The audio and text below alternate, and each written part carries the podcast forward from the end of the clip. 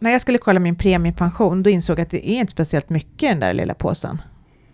Nej, visst är det lustigt det där. Man läser ju tidningarna och då kan man ju tro att det, pensionen står och faller med den där premiepensionen. Mm. Det, är, det är ganska mycket väsen för lite ull faktiskt. Åtminstone när man är så gammal som du och jag. Ja, illa. Mm.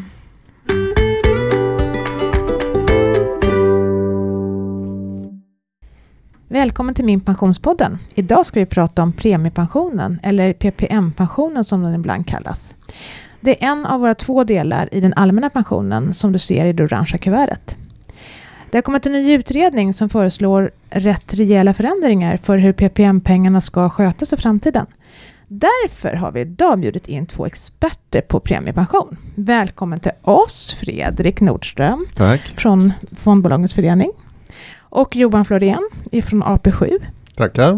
Nu vill vi höra lite grann om er. Fredrik, ska vi börja med dig? Vem är du? Berätta om dig själv och om Fondbolagens förening. Ja, jag är VD sedan två år på Fondbolagens förening och har en bakgrund från eh, fondbranschen. Jag har varit på AMF i många år och tidigare var jag på Finansdepartementet. Gillar att pyssla i trädgården. Härligt, det gör jag med. Det kan vi prata tillväxt. Ja, det är bra. verkligen. Ja, självhushållning. Ja. Johan då? Ja, eh, Johan Florén, jag är chef för kommunikation och ägarstyrning på AP7 och har varit där sedan 2009. Innan dess har jag jobbat i den privata sektorn med kommunikation och andra saker. Hållit på rätt mycket med hållbarhet också genom åren. Mm. Det här med AP7 då, vad är det för något? Det är ju då sjunde AP-fonden eller mm. soffliga fonden som den ofta heter i, i tidningarna. Och där hamnar man om man inte gör ett aktivt val på fondtorget. Och det är ungefär varannan sparare i systemet som ligger där. Mm. Så det är mycket pengar ni förvaltar? Ja, mm. det är någonstans runt 350 miljarder. Mm. Ja, och då tänkte vi här då att ni som verkligen är verkliga experter på, på vad premiepensionen är för någonting, så tänkte vi att nu, nu får ni faktiskt berätta för alla som lyssnar varför finns premiepensionen? Vad, vad, ska vi ha den till? Och varför, tycks det, varför pratar man som att det är så krångligt och besvärligt?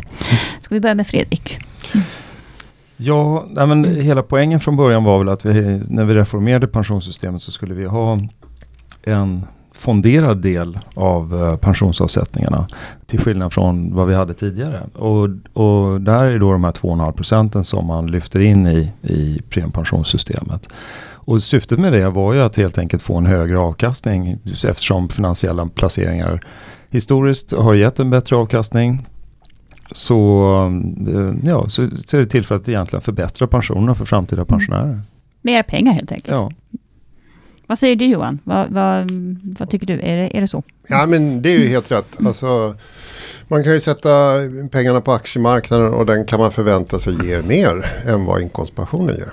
Så att det, avkastning är en del. En annan viktig del är ju att det är en riskspridning. Eh, och tittar man på systemet där det har fungerat så har ju eh, premiepensionen och inkomstpensionen rört sig på olika sätt. Så det har faktiskt blivit en stabiliserande effekt av det. Eftersom då det ena är väldigt kopplat till svensk ekonomi och det andra är kopplat till eh, kapitalmarknaden. Eh, och dessutom så är det ju så att väldigt många svenskar är, förutom in, inkomstpensioner så har de egentligen allting kopplat till Sveriges ekonomi. Mm. Och då är det bra om man inte placerar hela sin pension i Sverige också. Det är sant. Tanken med premiepension det är ju att den ska ge högre pension. Och priset blir då att en risk som man tar och att vissa kommer ha placerat sin pension lite bättre än andra. Det är lite grann som ett lotteri. Blir det rättvist det här? Är det, är det bra? Jag tror man får, det är nog en ideologisk utgångspunkt i det. Alltså om man, om man antingen tänker sig att alla har samma utgångspunkt och samma möjligheter att eh, på, ta, fatta de här besluten så kan man ju välja olika risknivå. Och det är klart att i en sån i ett sådant perspektiv så är det orimligt att någon som tar en låg risk ska förvänta sig samma avkastning som någon som har tagit mera risk i systemet.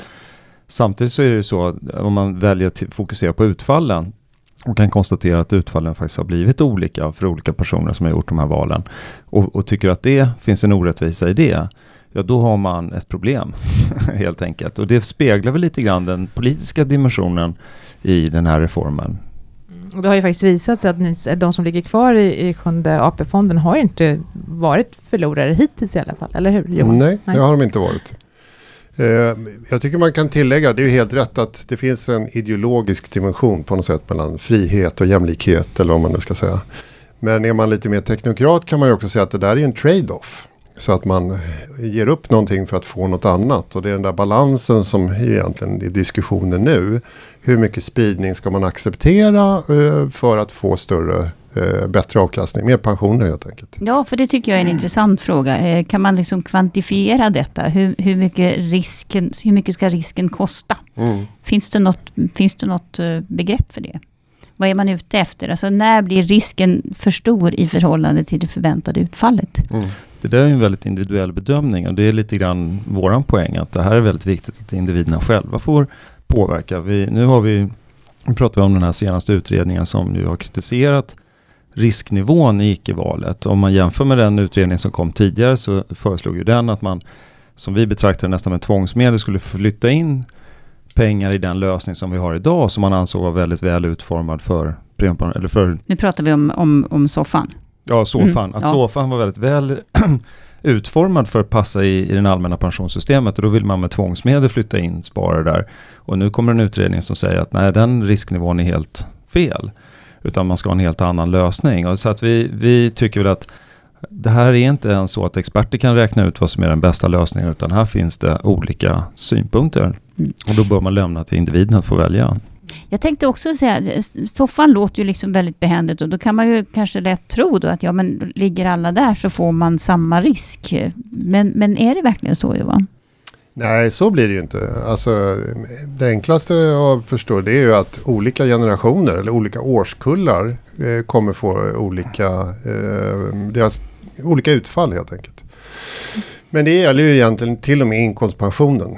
Eh, så att liksom, återigen, det är en slags trade-off. Det finns ingenting som är 100% förutsägbart. Utan det kommer alltid variera lite. Och sen är frågan hur mycket variationer man är beredd att acceptera. Både mellan olika individer, mellan olika årskullar och mellan olika val. Och ska man ta fasta på politikerna på något sätt kom överens om en gång i tiden så är det ju att det ska finnas ett mått. Jag menar om det, det första är avkastning, det andra är riskspridning. Det tredje syftet med systemet är ju individanpassning. Alla vill inte ha samma lösning. Och de som då har en uppfattning, de har möjlighet att göra ett eget val. Och så är ju tanken. Det vore ju omöjligt om man inte accepterar att det finns någon spridning. Så vi kanske ska våga säga det då, att det går inte att ha den, den ultimata rättvisan. Nej, om det bara är det som ska styra hela systemet, då kommer man få betala ett högt pris i form av eh, att det kommer passa vissa människor dåligt och eh, avkastningen kommer bli sämre. Mm. Ja, sen kan vi ju dö vid olika åldrar också. Ja, Dör man ifrån sin Ja, pension också så är ju det ganska orättvist. Eh, Nåväl, vi, ska, vi började prata lite om den här utredningen då som har kommit och som ju vill städa rätt rejält i premiepensionssparandet. Eh, om jag förstår saken rätt så handlar det ganska mycket om att rensa bort onödigheter, små fonder, men inte minst om att, att just minska risknivån i de som har pengar i förvalsalternativet. Men, men risk, det, det låter ju farligt. är det inte lite bra ändå då att man, att man minskar risknivån? Jag tjatar lite grann om det här med risk. Jag vill gärna att ni liksom förklarar vad är, för mig som, som inte vet så mycket om pengar och placeringar. Eh, vad är det som är så bra med, med risk? Alltså- och risk över tid kanske? Ja men risk, det är väl så här, risk innebär ju samtidigt då en möjlighet till högre avkastning. Så att du får en, tar man en, en, investerar man i en tillgång som har en högre risknivå, då får man helt enkelt en större spridning i utfallet. Man kan få en bättre avkastning, man kan få en sämre avkastning. Sett över längre tid så brukar den här risken jämna ut sig. Och då kan man dra nytta av att man får en riskpremie, att man liksom kan få, eftersom om man ska åka på semester nästa sommar så vill man inte ta så mycket risk utan då vill man faktiskt åka på semester och då vill man ha säkert sparande. Och då måste man kompensera de som tar lite risk. Och då på längre sikt brukar det här jämna ut sig och man får en lite högre avkastning. Och pensionssparande är ett långsiktigt sparande varför det passar bra att ha en högre risknivå. Eh, så att det, det är väl liksom en dimension i den här eh, som många blir förvånade över utredarens slutsatser i sin rapport. Vi sa förut att det blir inte lite lotteri och den eh, eh, metaforen tycker jag är lite olycklig eftersom ett lotteri är ju helt slumpartat och eh, man chansar helt enkelt. Och normalt sett i ett lotteri så är man förlorare. Det är liksom den som har själva lotteriet som kommer vinna. Eh, och det är ju inte den typen av risk och inte den typen av chanstagande det handlar om. Utan risk här handlar ju egentligen om att det går upp och ner. Och så länge man inte tar ut pengarna så är inte det ett problem. Däremot så har det fördelen då, precis som Fredrik sa, att man kan få betalt för det där. Eh, så därför så, ehm, eh, alltså att, att ha tillräckligt låg risk det kan stå en ganska dyrt eftersom det handlar om pensionssparande. man ska hålla på i 40 år. Sen, sen, så har vi då frågan om förvalet och där finns det som, som sagt var olika uppfattningar. I de direktiv som vi har och som var utgångspunkten så vill man titta på den allmänna pensionen som en helhet, det vill säga inkomstpension och premiepension. Och eh, Stefan Lundberg som har skrivit den här eh, eh, förstudien som det är. Eh, han ser ju gärna hela den allmänna pensionen mera som en försäkring och till priset då av lägre avkastning förstås. Eh, den nuvarande lösningen det är någon slags avvägning mellan stabilitet och trygghet i de 86 procent som går in i inkomstpensionen och sen så lite större risktagande i de andra 14 procenten för att få lite mer pension. Det var roligt, eh, Fredrik och jag stötte på varandra igår också på en sån här pensionsseminarium där Bo Könberg var med. Den gamle liksom fadern till systemet. Och han var ju stolt som en tupp. Alltså, över, så, så, här bra har det gått och ja. så här mycket mer pension kommer svenskarna få. Ja. Ja, för det tycker det jag det. skulle vara roligt att få veta. För där, samtidigt som den här utredningen kommer så har det också gjorts undersökningar som säger att folk vill inte ha premiepension. Mm. Man tycker liksom att det är läskigt och dumt. Eh, och då skulle jag ju tycka att det var kul att veta, för nu har vi ändå haft premiepensionen i, vad är det, 17 år, så vi har ju sparat på ett tag. Eh, vad, vad, vad kan man säga om premiepensionen idag? Har den gett mer pension eller inte? Ja men det är ju tveklöst.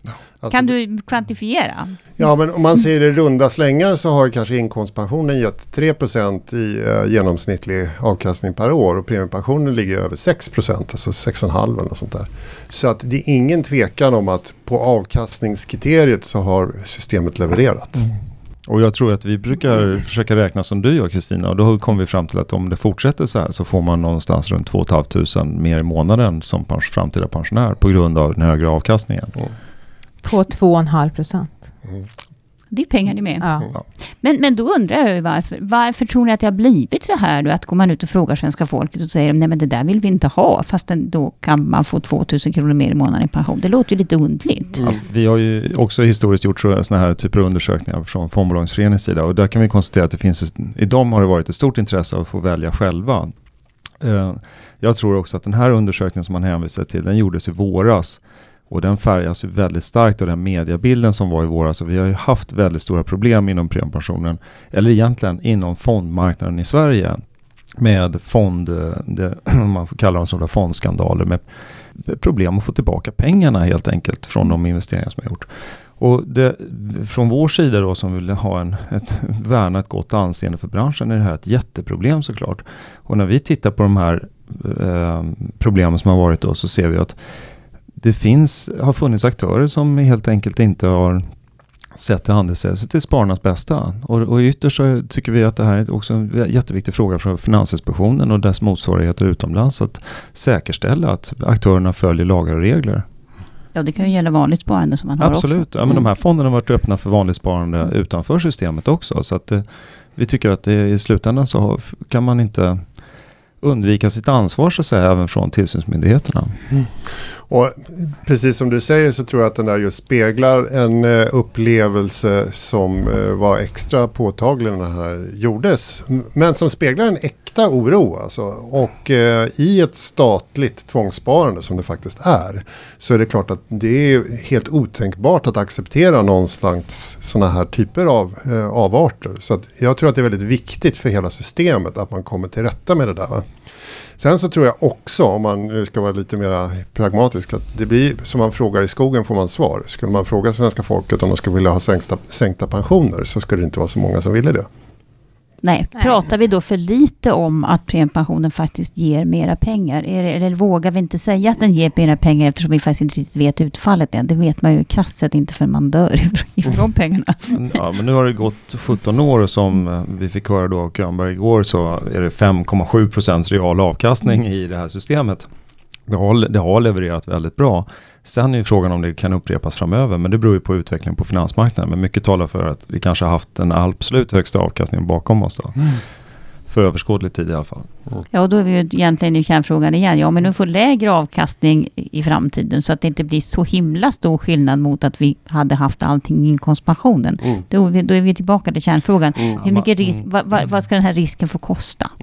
Mm. Ja, men jag tror också man ska förstå att inkomstpensionen mm. utvecklas bra också på grund av att det är en stark ekonomi och tillväxt på arbetsmarknaden. Så att, eh, vi vet inte vad den avkastningen ger heller nej, framöver. Nej, men just det. det, det nej. Och egentligen, vi kan inte lösa de frågorna här och nu. Men, men, men eh, vi kanske kan prata mer om värdeutvecklingen på premiepensionen.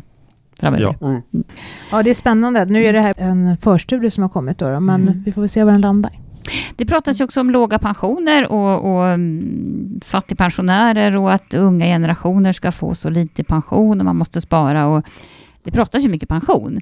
Eh, och då tänkte jag egentligen som, som lite avslutande fråga. Om ni nu, gossar, fick fria händer och göra om pensionssystemet som ni tycker att det skulle, vara, skulle fungera. Hur skulle ni göra då? Ni får, ni får gå loss på tjänstepensionerna också. Det är liksom fritt utrymme här. Vi börjar med dig Johan. hur skulle du göra om pensionerna? Eh, jag kan sympatisera med Stefan Lundbergs ansats att man vill ha liksom en ren modell. Det ska vara tydligt, det ska vara lägst risk i botten och så ska det vara mest förutsägbart och sen så ökar man då oförutsägbarheten och spridningen men också risktagandet uppåt sådär. Så det, jag har egentligen inga synpunkter på det, det vore väl jättebra. Men, men det där är ju liksom en skrivbordsmodell man utgår ifrån. Eh, Skulle man vilja göra om några mer strukturella förändringar på hela pyramiden, det vill säga både allmän pension, tjänstepension och privat. Då, det jag saknar idag är liksom ett helhetsgrepp. Utan den har växt fram på grund av olika initiativ, olika politiska beslut, olika parter som förhandlar och sådär på ett sätt som gör att det blir både väldigt svåröverskådligt för en helt vanlig sparare, till och med för oss som jobbar så är det svårt.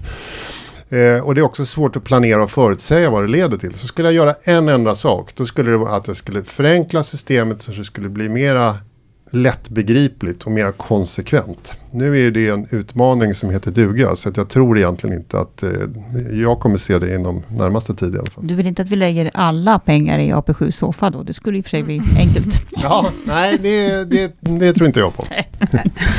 Fredrik? Nej, men jag funderar lite också på tjänstepensionsutformningen och det här, det är många som, alltså med de argumenten som man fört fram rörande premiepensionen, att det är bättre att man samlar allt. Det finns ju sådana tankar på ett och samma ställe, man får skalfördelar, det blir lika utfall för alla. Jag tycker tjänstepensionen faktiskt, trots de problem då med att informera om de här avtalen, det finns mycket konstigt i avtalen, men i grunden så är det så att man kan anpassa för olika yrkeskategorier. Man kan ha en särskild lösning för SAF-LO-jobbarna som har mer gemensamt sinsemellan, eh, exempelvis att de tyvärr dör lite tidigare än tjänstemän. Och att man då har en, en utformning för, för deras behov av pensionslösningar, ja, medan tjänstemännen kan ha en annan. Och det här är liksom en individuell anpassning som jag tycker är, eh, finns en poäng i. Och på samma sätt så tycker jag att det är ju det som är grunden också för att jag tycker att det ska finnas en väl fungerande valfrihet inom premiepensionen. Mm. Jag funderar på om jag som sitter och lyssnar på det här programmet nu då, känner att jag vill, jag har inte varit aktiv och helt plötsligt så blir jag lite intresserad. Kristina, du som har jobbat med det här en gång i tiden, både på PPM-myndigheten när den fanns och sen på Pensionsmyndigheten. Vad, vad ändrar jag mina fonder? Hur gör jag? Ja, det där är ju spännande. Och vi ska också säga det att de här utredningsförslaget som ni nu har pratat om här, är ju verkligen bara en utredning eller en förstudie och ingenting är bestämt på något sätt. Utan som det ser ut idag, som premiepensionen funkar idag, eh, så kan man alltså välja fonder om man vill och då går man in på Pensionsmyndighetens hemsida och så väljer man där bland dags dato 800 fonder och det finns, ganska, det finns ju naturligtvis system som gör att man kan rensa så att man inte bara har en, en skog av fonder framför sig och inte har en aning om hur man ska göra. Eh, det går också att byta fonder när du vill. Eh, och avgifterna är ju faktiskt rätt kraftigt rabatterade, vilket jag tycker är en fördel med, med att det är en stor aktör som alltså agerar gentemot fondbolagen. Så att man kan säga att det är halva priset på det mesta. Till och med eh, ännu lägre. Till och med ännu lägre, ja. Ehm, och sen om man då inte vill av olika skäl göra ett val, man tycker att jag fattar ingenting av det här, jag har ingen lust, eller man har andra skäl till att man inte gör något eget val, då finns ju det här förvalsalternativet som då egentligen heter Statens årskullsförvaltningsalternativ. Ja. Nu, ja. Eh, och det fungerar som en generationsfond och det betyder då att eh, man tar väldigt hög risk i början, eller man har 100% eh, av sitt innehav i aktier eh, över hela världen och sen gradvis när man blir äldre så viktar man över till räntefonder som ju inte är lika. Det går inte lika mycket upp och ner. Mm. Mm. Stämmer det? Det är helt korrekt. Mm. Ja, får jag faktiskt flika in där. Ja. Det är lite mer än 100% aktier i början och det här tycker jag liksom ändå är en viktig informationspunkt när vi pratar om att det är viktigt för de som ligger i icke, även de som inte gör något aktivt val, ska vara medvetna om vilken, vilken typ av placeringar deras deras framtida pensionspengar är placerade i. Så att det här informationsbehovet tycker jag finns oavsett om man gör ett aktivt val eller inte. Och där tycker jag att Pensionsmyndigheten faktiskt har lite kvar att gå. Och vill man nu kolla, vad, dels både vad har jag mina fonder, vad, hur har jag valt, har jag valt någon gång och hur mycket pengar handlar det om? Eh, då kan man ju både göra det på Pensionsmyndigheten på hemsidan och logga in och sen har vi naturligtvis självklart den informationen på, på minpension.se också. Men där kan jag inte välja utan själva valet sker på Pensionsmyndigheten. Mm. Ska vi avsluta med några tips då? Det är alltid roligt. Har ni några tips, Fredrik och Johan, om eh, pension? Premiepension eller hela pensionen? Välj själva. Mm. Mm. Om man tittar på hela pensionen då skulle jag eh, egentligen tre saker. Det första är att det mycket viktigare att man pensionssparar och att man tittar att själva avsättningarna är tillräckligt stora än vad man sen sätter dem i. Det blir liksom en andra fråga. För sätter man inte av några pengar då, då är man körd helt enkelt. Och det betyder ju som Pensionsmyndigheten ofta säger, man ska jobba, man ska betala skatt, man ska ha tjänstepension och sådär. Så att skulle man till exempel inte ha tjänstepension, då måste man se till att lösa det på något, sätt, på något annat sätt. Nästa steg är ju då att eh, själva portföljen som man sätter det här i är mycket viktigare än vilka fonder man väljer. Alltså det är själva den strategiska kompositionen som är det viktiga. Sen om man är road så kan man ju också då titta på vilka är de bästa fonderna. Så där. Men det är fortfarande helhetsperspektivet som är viktigare. Och det gäller egentligen hela pensionen. Så att hur man har i, i premiepensionen ska egentligen man försöka bedöma även i förhållande till tjänstepension och privat. Mm. Ja, ska man Fredrik? försöka komplettera den här goda råden då med någonting så är det väl att kunna gå in på min pension och få sin helhetsbild. Och där ser vi ju hur mycket man har sparande, inte bara i premiepension utan också i alla tjänstepensionslösningar och sånt som man har hunnit samla på sig genom sitt yrkesliv. Så det tycker jag är faktiskt, om jag ska ge er lite cred, ett väldigt bra tips. Mycket bra. Och, och det är ganska roligt, för man kan ju ganska lätt känna sig som miljonär när man går in där också. För det kan ju bli ett antal miljoner med åren. Jo, men man ska inte låta sig luras. Man kommer behöva ett antal miljoner som pensionär också. Så att det där eh, det kan förleda tanken lite. Ja, så är det. Mm.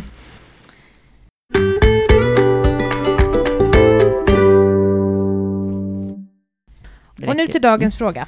Vi har fått en fråga om skatt på pension. Är det verkligen så att pensionärer betalar högre skatt än de som jobbar? Och varför är det så, Kristina? Ja, det där är en fråga som har blivit också i ropet de senaste dagarna. Eh, Ja, man kan enkelt säga så här att vi som jobbar och tjänar, har inkomst av lön av olika slag, vi har också ett jobbskatteavdrag när vi deklarerar våra inkomster. Det har man däremot inte, inte om man är sjuk, föräldraledig eller arbetslös och man har det inte heller om man är pensionär.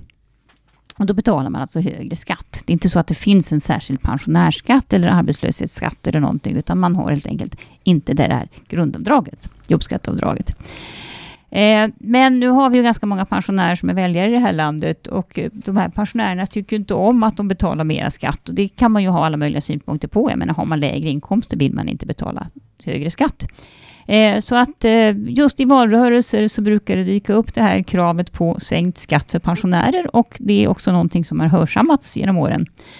Eh, så att eh, det är faktiskt så att pensionärer, ålderspensionärer betalar ändå lägre skatt på samma inkomst än vad sjuka och arbetslösa gör. Och så finns det en viktig sak till att komma ihåg här. Att den här skatten som alltså är lägre för pensionärer då, den gäller bara från det år du har fyllt 66 år. Det där är ju en, en viktig sak att veta om man nu är sugen på att gå i pension lite tidigare eller att man vill börja ta ut pensionen för att placera den någonstans, vilket ju också brukar, ja, kan vara aktuellt. Eh, att då är det ju faktiskt så att man betalar rätt mycket högre skatt på de pengarna som man tar ut före det år man fyller 66.